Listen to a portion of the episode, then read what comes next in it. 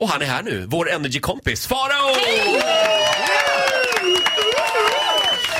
Ja, Farao, det var en dramatisk helg. Du och eh, dina vänner från TV4, där du också jobbar lite grann. Ja. Eh, Ni, ni var i Frankrike. Ja, alltså nej, men det är inte bara det. Vi var ju för fasiken mitt i stormens öga. Det här var firmafesternas firmafest kan jag säga. Brand New Content fyllde tre år. Det är alltså produktionsbolaget som gör Vardagspuls, det här programmet som jag leder med Kristin Kaspersen och Agneta Sjödin på fredagar. Just det. Br- bjuder ner eh, sina anställda liksom, och vi är då i Provence i ungefär 18 timmar. Skulle jag säga. Så det är en väldigt, väldigt intensiv resa. Eh, och ah, till synes är allt glatt. Förutom jag får ju lite bassning efter fredagens program då jag i liksom... Får jag gissa? Hasse Kvinnaböske? Ja. Hur vet du det? Jag tittar på ditt Ja. program. Så här, Hasse Kvinnaböske berättar, som han har gjort många gånger, att han får mycket brev från sexåriga eh, fans Ja. som vill gifta sig med honom. Och då passar Faro på att slänga in en kommentar. Men Hasse, i, förlåt att jag berättar ditt skämt Ja. här nu, men det var hysteriskt. Det är Ja, synd att vi inte säger. det är synd att vi inte är i Belgien, då hade det varit okej, säger Farao. och Hasse... Farao! Hasse! Nej men det roligaste är att Hasse plockar inte upp bollen alls, utan han eh, kommenterar bara snabbt. Ja, det är jättefint i Belgien. Och vad fint det är i Ja, vad Antwerpen. fint i Belgien, Och det är så underbart.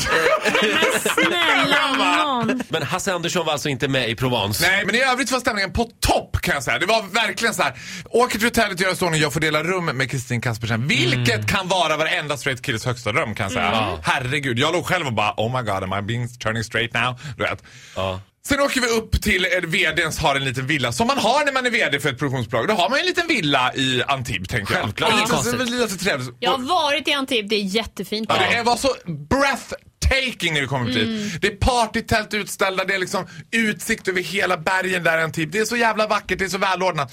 Så börjar det regna lite så här, oj det börjar regna liksom. Och vi sitter inne i de där tälten och alla, och alla är ganska på gång då liksom. Så att det är inte, man tänker sig, oj men gud vad det regnar. det regnar verkligen. Vet. Shit vad det regnar. Sen blir det katastrof. Ja. Alltså det blir en, det är, jag skojar ju inte nu med, det är ju en katastrof jag varit med om. Vi kallas, jag kommer ihåg den här känslan du vet, vi, då är klockan ändå bara nio på kvällen men det är beckmörkt, det bara spöregnar, det börjar rinna in vatten överallt i tälten. Vi kallas in i huset. Alla 60 pers du vet, står där. VDn ställer sig på en stol.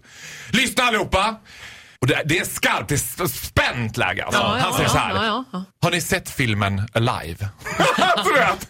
Va? Men är det inte det där när Det- de kraschar i Alperna? Ja, äta äta varandra. Äta, äta på varandra. Nej men alltså då är det så här att det är översvämning i hela Cannes. Det är 17 döda. Det är alltså all elektricitet har gått så grindarna till hans lilla sommarhus.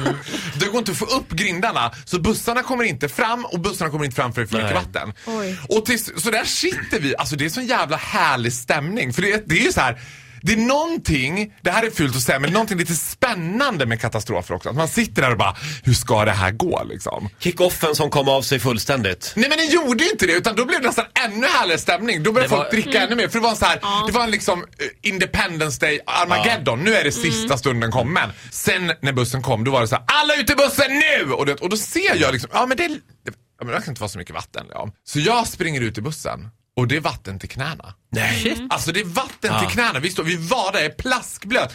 När det går ovanför hunterstövlarna sådär, det är då överklassen börjar reagera på allvar. Ja. Då är det, då Ja, är då är det allvar. Men du Faro, vi är glada att du lever och att du är här. Och inte, och inte nog med det, min känsla när man kom till Arlanda och du så här. TV-stjärna i naturkatastrof. Och jag bara yes!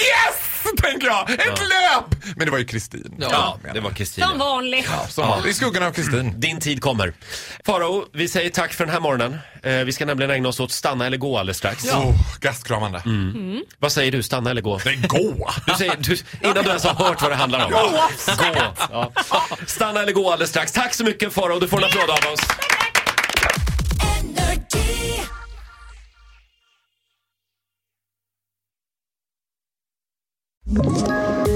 Poddtips från Podplay. I podden Något Kaiko garanterar östgötarna Brutti och jag, Davva, dig en stor dos skratt.